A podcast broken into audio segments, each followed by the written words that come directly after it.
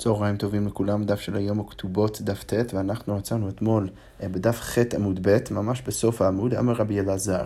אז לפני שניכנס לגמרא, רק נזכיר לעצמנו איפה אנחנו עומדים אה, מול המשנה. ראינו במשנה שבתולה אה, מתחתנת ביום רביעי, כדי שאם בעלה ימצא שהיא לא באמת בתולה בערב, אז הוא יוכל למחרת לקום בבוקר וללך ישירות לבית דין. עכשיו, אמרנו כבר שאנחנו דואגים שאם יש יותר זמן אה, אה, בין הרגע שהוא מגלה שאולי אשתו לא באמת בתולה לבין מתי שבית הדין יושבים, אז יכול להיות שיהיה איזו הזדמנות אה, אה, שהיא תפייס אותו, או שהוא כבר לא יהיה, הוא לא יכעס עליה, ואנחנו בגלל זה חוששים, ולכן אומרים שהיא צריכה להתחתן דווקא ביום רביעי, כדי שישירות הוא, הוא יוכל ללכת לבית הדין למחרת בבוקר.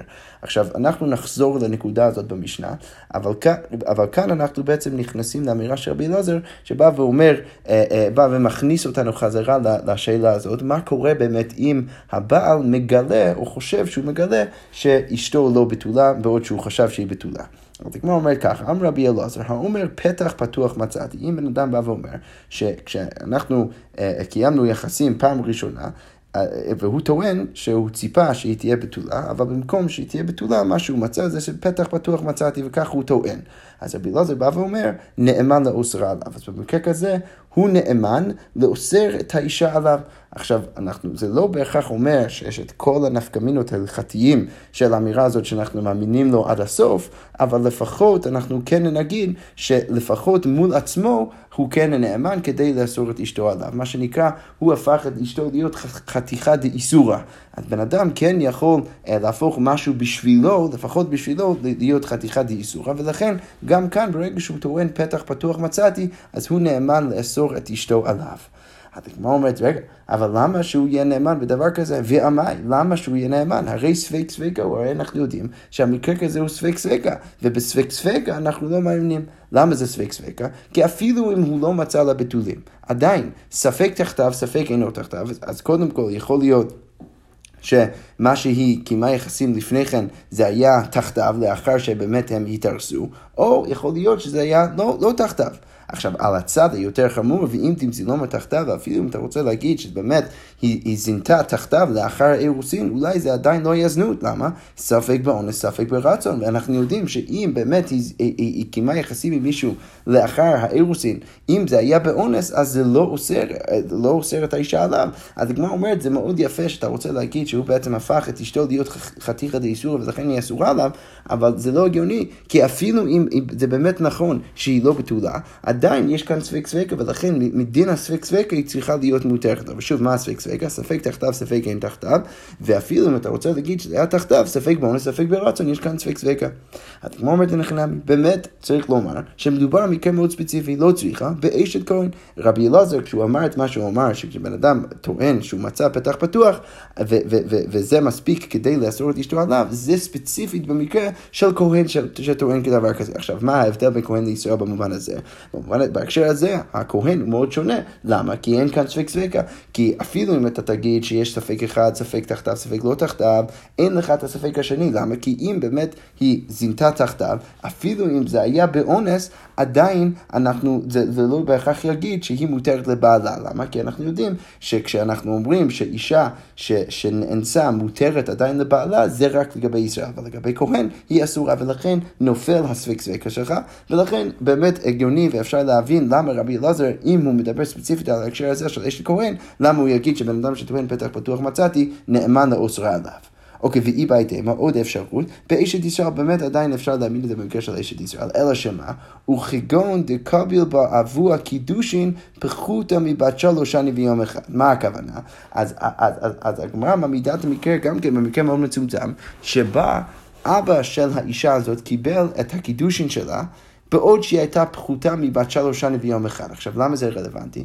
כי ההנחה היא שאישה, ש... או ילדה, שפחותה מבת שלוש שנים ויום אחד, לא משנה מה קורה לה מתחת לגיל הזה, אנחנו לא נראה את זה בהמשך. אז אפילו אם מישהו, נגיד, אונס אותה, רחמנא ליצלן או משהו כזה, אנחנו לא באמת נראה את זה בהמשך, ואנחנו עדיין נחשוב שהיא בתולה. עכשיו, מה זה אומר? זה אומר שהיא כבר הייתה מקודשת מהשלב הזה, ולכן ברגע שבעלה...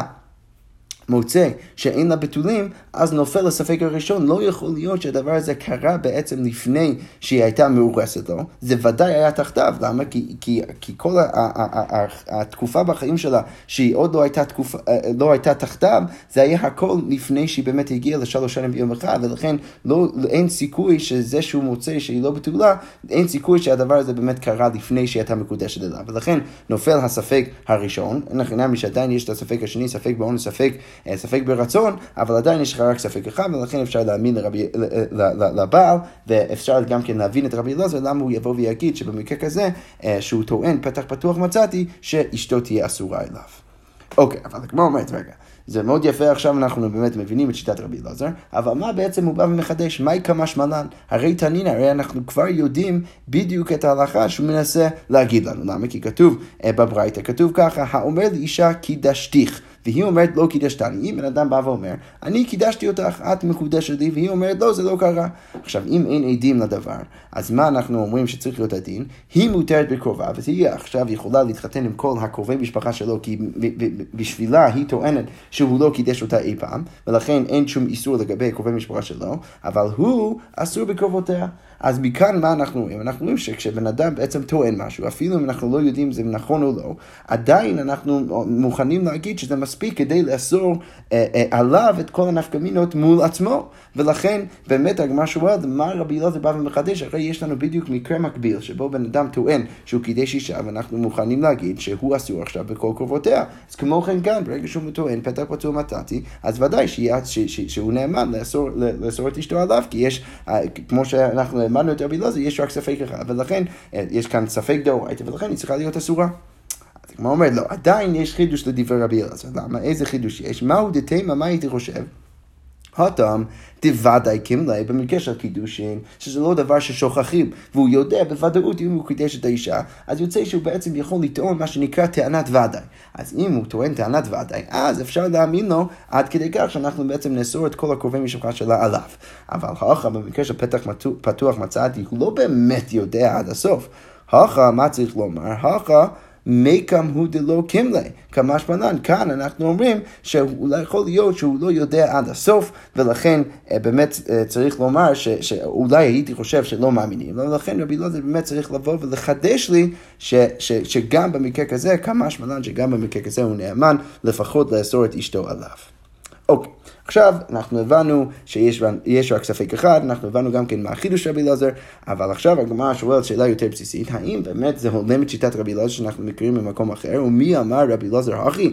והאמר רבי אלעזר, הרי רבי אלעזר אמר בהקשר אחר שמה? שאין האישה נאסרת על בעלה, אלא על עסקי כינוי וסתירה וכמעשה שהיה. רבי אלעזר בא ואומר שאישה לא הופכת להיות אסורה לבעלה, אלא אם כן זה עבר את כל התהליך שאנחנו לומדים עליו במסכת סוטה, את כל התהליך הזה של מסכת סוטה. שמה? שהיה שלב של כינוי, שבן אדם אמר לאשתו לא להתייחד עם מישהו ספציפי, ואז אחרי זה היה גם כן שלב של סתירה, שבאמת התייחדה עמו, והיו עדים, מחלוקת כמה עדים צריך בכל שלב, אבל רק במקרה כזה, רבי אלעזר בא ואומר, רק במקרה כזה אנחנו נגיד באמת שהאישה, האישה של בן אדם, אשתו של בן אדם, הופכת להיות אסורה עליו. וכמעשה שהיה. מאיזה מעשה מדובר?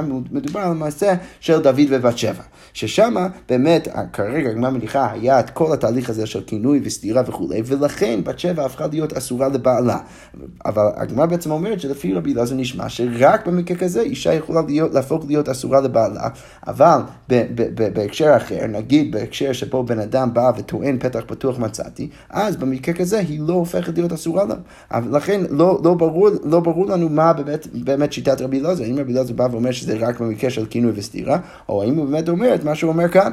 הגמרא אומרת, ותסביר על מעשה שהיה בכינוי וסתירה הווה מטה. אז קודם כל הגמרא בעצם קופצת על האמירה הזאת של רבי אלעזר ואומרת, רגע, האם זה באמת הגיוני שמעשה של דוד ובת שבע היה בכינוי וסתירה? שעד כדי כך היה איזו פרוצדורה שאוריה החיתי הבין שהוא לא רוצה שהיא תתייחד עם דוד, והוא עשה כינוי ואז סתירה וכולי וכולי, האם באמת המעשה הזה, האם זה באמת קרה ככה? ותסביר על מעשה שהיה בכינוי וסתירה הווה?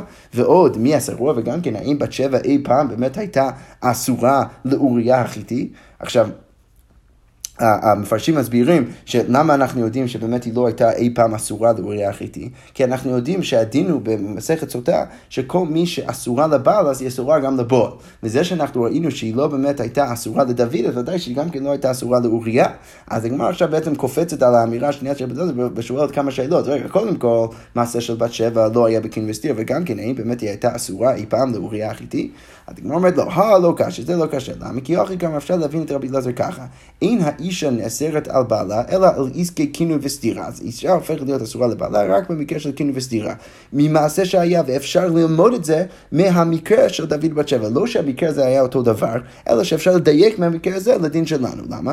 כי שם אצל דוד בת שבע דלא הווה קינו וסתירה ולא יצרה. באמת לא היה, נכנע, באמת לא היה קינו וסתירה, אבל באמת היא לא הפכה להיות אסורה. אז מה אפשר ללמוד משם? אפשר ללמוד משם שדווקא במקרה שיש קינו וסתירה היא הופכת להיות אסורה. למה? כי במקרה של דוד בת שבע, בגלל שלא היה כינוי וסתירה, אז היא גם כן לא הפכה להיות אסורה. אז שוב, הגמרא בעצם מאבדת קצת את האמירה השנייה של רבי אלעזר כדי להבין אותה בפני עצמה, אבל עדיין אנחנו בבעיה. למה? כי באמת משמע מרבי אלעזר, איך שלא נחתוך את זה, שהאישה הופכת להיות אסורה לבעלה רק במקרה של כינוי וסתירה. אז הגמרא אומרת, מכל מקום כאשר כינוי וסתירה אין, לכאורה משמע ככה, פתח פתוח לא. כך לכאורה משמע. אז הגמרא אומרת, רגע, אתה רוצה להגיד שבאמת כשרבי אלעזר אמר שבכינוי וסתירה זה הדרך היחיד ש, ש, ש, שדרכה האישה יכולה להפוך להיות אסורה לבעלה, הרי זה לא הגיוני בכלל. קינו, מבלי טעמך, קינו וסתירה אין, עדים לא? מה אתה רוצה להגיד? שדווקא במקרה של קינו וסתירה ולא עדים? זה ודאי לא הגיוני. וברור שאם יש עדים שאישה זינתה תחת בעלה, ודאי שאנחנו נגיד שהיא הופכת להיות אסורה לבעלה. אז, זה, אז, אז גם ככה אתה צריך להבין שכשרבי אלעזר אומר את מה שהוא אומר, הוא לא אומר את זה על כל המקרים, הוא לא באמת ממעט כל המקרים. ולכן, באמת, אם כבר אנחנו מגיעים למקום שרבי אלעזר אומר משהו שהוא לא גורף, אז אולי עדיין אפשר להבין איך רבי אלעזר יכול להגיד את, את, את מה שהוא אמר על קינו וסתירה, וגם כן מה שהוא אמר על פתח פתוח. אז הגמרא אומרת, אלא הכי גמר, מה צריך לומר? אין האישה נאסרת על בעלה בעד אחד, אלא בשני עדים. אז אישה הופכת להיות אסורה לבעלה, לא, אה, אה, אה, היא הופכת להיות אסורה לבעלה רק בשני עדים ולא בעד אחד. וקינו וסתירה אפילו בעד אחד נמי, ובמקרה שיש קינו וסתירה אז היא תהפוך להיות אסורה לבעלה אפילו בעד אחד. ופתח פתוח כשני עדים דמי, ופתח פתוח זה כמו שני עדים. אז בעצם הגמרא אומר ככה, האמירה השנייה של רבי דלזר שאין האישה הופכת להיות אסורה לבעלה, אלא בקינו וסתירה, זה בוודאי לא משהו גורף. למה? כי אנחנו יודעים שבמקרה של שני עדים כפשוטו, ודאי שהיא הופכת להיות אסורה לבעלה. אז מה באמת צריך להבין ברבי אלעזר? צריך להבין שהוא בא ואומר שאישה לא יכולה להיות אסורה לבעלה בעד אחד. אבל בשני עדים ודאי שהיא יכולה להיות אסורה. עכשיו, כינוי וסתירה זה מקרה יוצא דופן, שאפילו בעד אחד היא יכולה להפוך להיות אסורה, וגם כן פתח פתוח זה כמו שני עדים, ולכן באמת אפשר לומר ש, שאין סתירה ברבי אלעזר, ואפשר להבין איך הוא אמר את שני הדברים ביחד. אוקיי, אז עכשיו הגמרא אומרת, וכי תיבה מעשה שהיה מפני מה לא אסרוה. עכשיו, אם אתה תרצה להגיד שבמקרה של מעשה שהיה, למה באמת בת שבע לא הפכה להיות אסורה לבעלה, הרי אנחנו יודעים ש, שאם, שכולם ידעו מה קרה בין דוד ובת שבע, הרי אם אמרנו עכשיו שבמקרה של עדים ודאי שהיא הופכת להיות אסורה לבעלה, אז למה שם היא לא הפכה להיות אסורה לבעלה?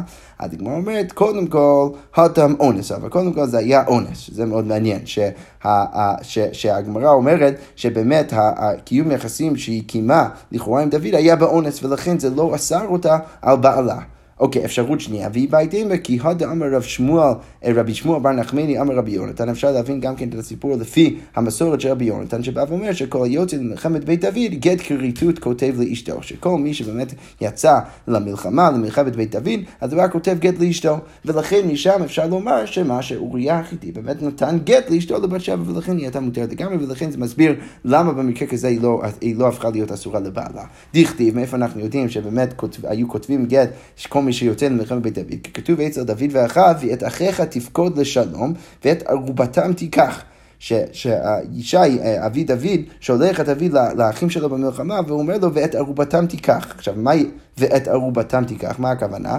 תני רב יוסף, דברים המעורבים בינו לבינה, זה משהו שהוא, שהוא, שהוא, שהוא, שהוא משותף לשניהם, זה איזה מין שטר ש, שמשותף לגבר ו, ו, ואשתו, כנראה שמדובר שם על זה שהוא, ש, שהיו נותנים לנשותיהם גיטים כשהם היו יוצאים למלחמת בית דוד. אז שוב, אפשר להבין דרך זה, שאולי באמת מה שקרה זה שבעלה של בת שבע נתן לה גט לפני שהוא הלך למלחמה, ודרך זה אפשר להבין למה היא לא נאסרה בעלה ברגע ש, שהיא קיימה יחסים עם דוד.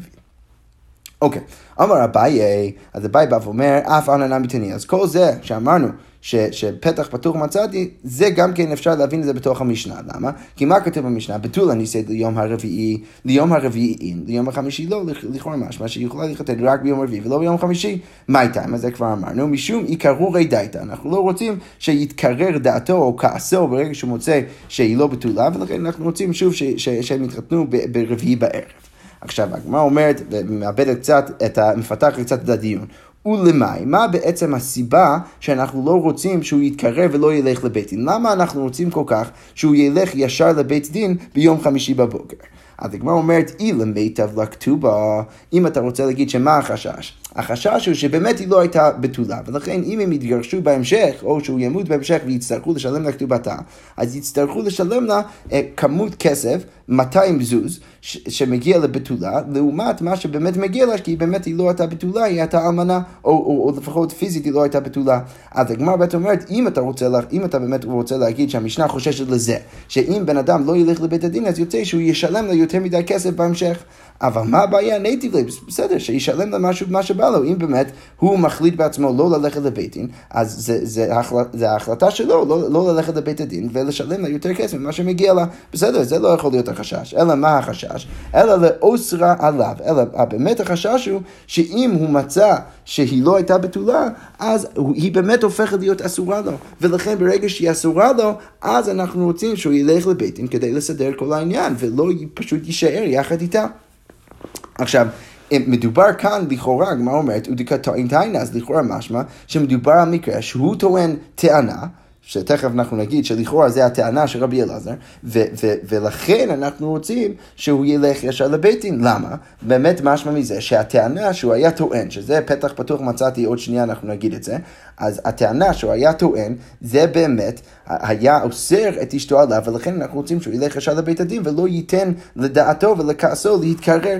הגמרא אומרת, מה אליו דקטוין טענת פתח פתוח? כלומר משמע שבאמת כך הוא טוען, ולכן באמת משמע מזה שפתח פתוח אוסר את אשתו עליו.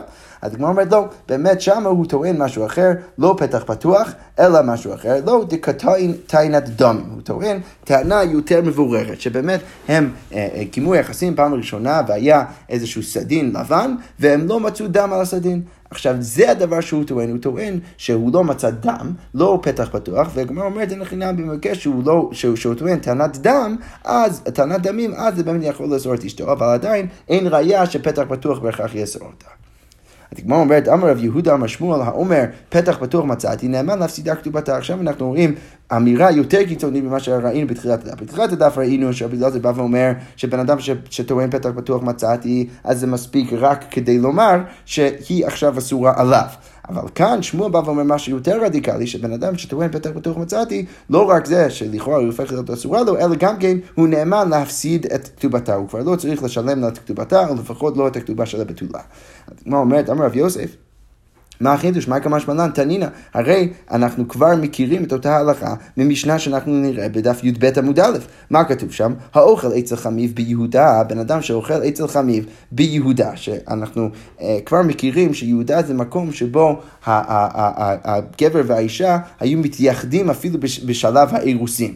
אז אם בן אדם אוכל אצל חמיב ביהודה שלא בעדים ולא היו שם עדים, אינו יכול לטעון טענה בתולים, הוא כבר לא יכול לטעון טענה בתולים ברגע שהם מתחתנים, כי ההנחה היא שאולי הם כבר קיימו יחסים בעבר. למה? מפני שמתייחדים, אנחנו יודעים שביהודה מתייחדים אפילו לפני חתונה. אז מה, מה משמע משם? ביהודה הוא דלא מציתין. דווקא ביהודה הוא לא יכול לטעון טענה בתולים, אבל הבגולה מציתין במקום אחר, שאין שם אותם כמות, סליחה, שאין שם אותו הנורמה שבו מתייחדים לפני החתונה, שם הוא כן יכול לטעון טענה בתולים. עכשיו, ושוב, הגמרא מפתחת את, את הקושייה. ולמאי, מה בעצם הנפקא מינות של כל השאלה הזאת? אילו אוסרה עליו, אתה רוצה להגיד שהוא יכול לטעון טענה בתולים אה, בגליל כדי לאסור את אשתו עליו, אבל ביהודה הוא לא יכול. ביהודה מה לא? למה הוא לא יכול לטעון דבר כזה ביהודה? ודאי שביהודה הוא יכול לאסור את אשתו עליו, זה, זה לא צריך אה, חידוש לומר. אז אלא שמה, אלא לאו להפסידה כתובתה, אז בטח החילוק בין יהודה והגליל זה להפסידה כתובתה, שבגליל הוא יכול להפסידה כתובתה בטענת פתח פתוח, אבל ביהודה לא. הוא דקתוין תיינה, ומדובר כאן במקרה שהוא טוען טענה, מאי לאו דקתוין תיינת פתח פתוח, לכאורה משמע מדובר במקרה שטוען פתח פתוח, ולכן באמת משמע מזה שהוא יכול לטעון פתח פתוח, לפחות בגליל, ודרך זה להפסיד את כתובתה. ואז הגמרא אומרת, מה החידוש של שמואל? הרי אנחנו יודעים את זה במשנה בדף י"ב עמוד א'.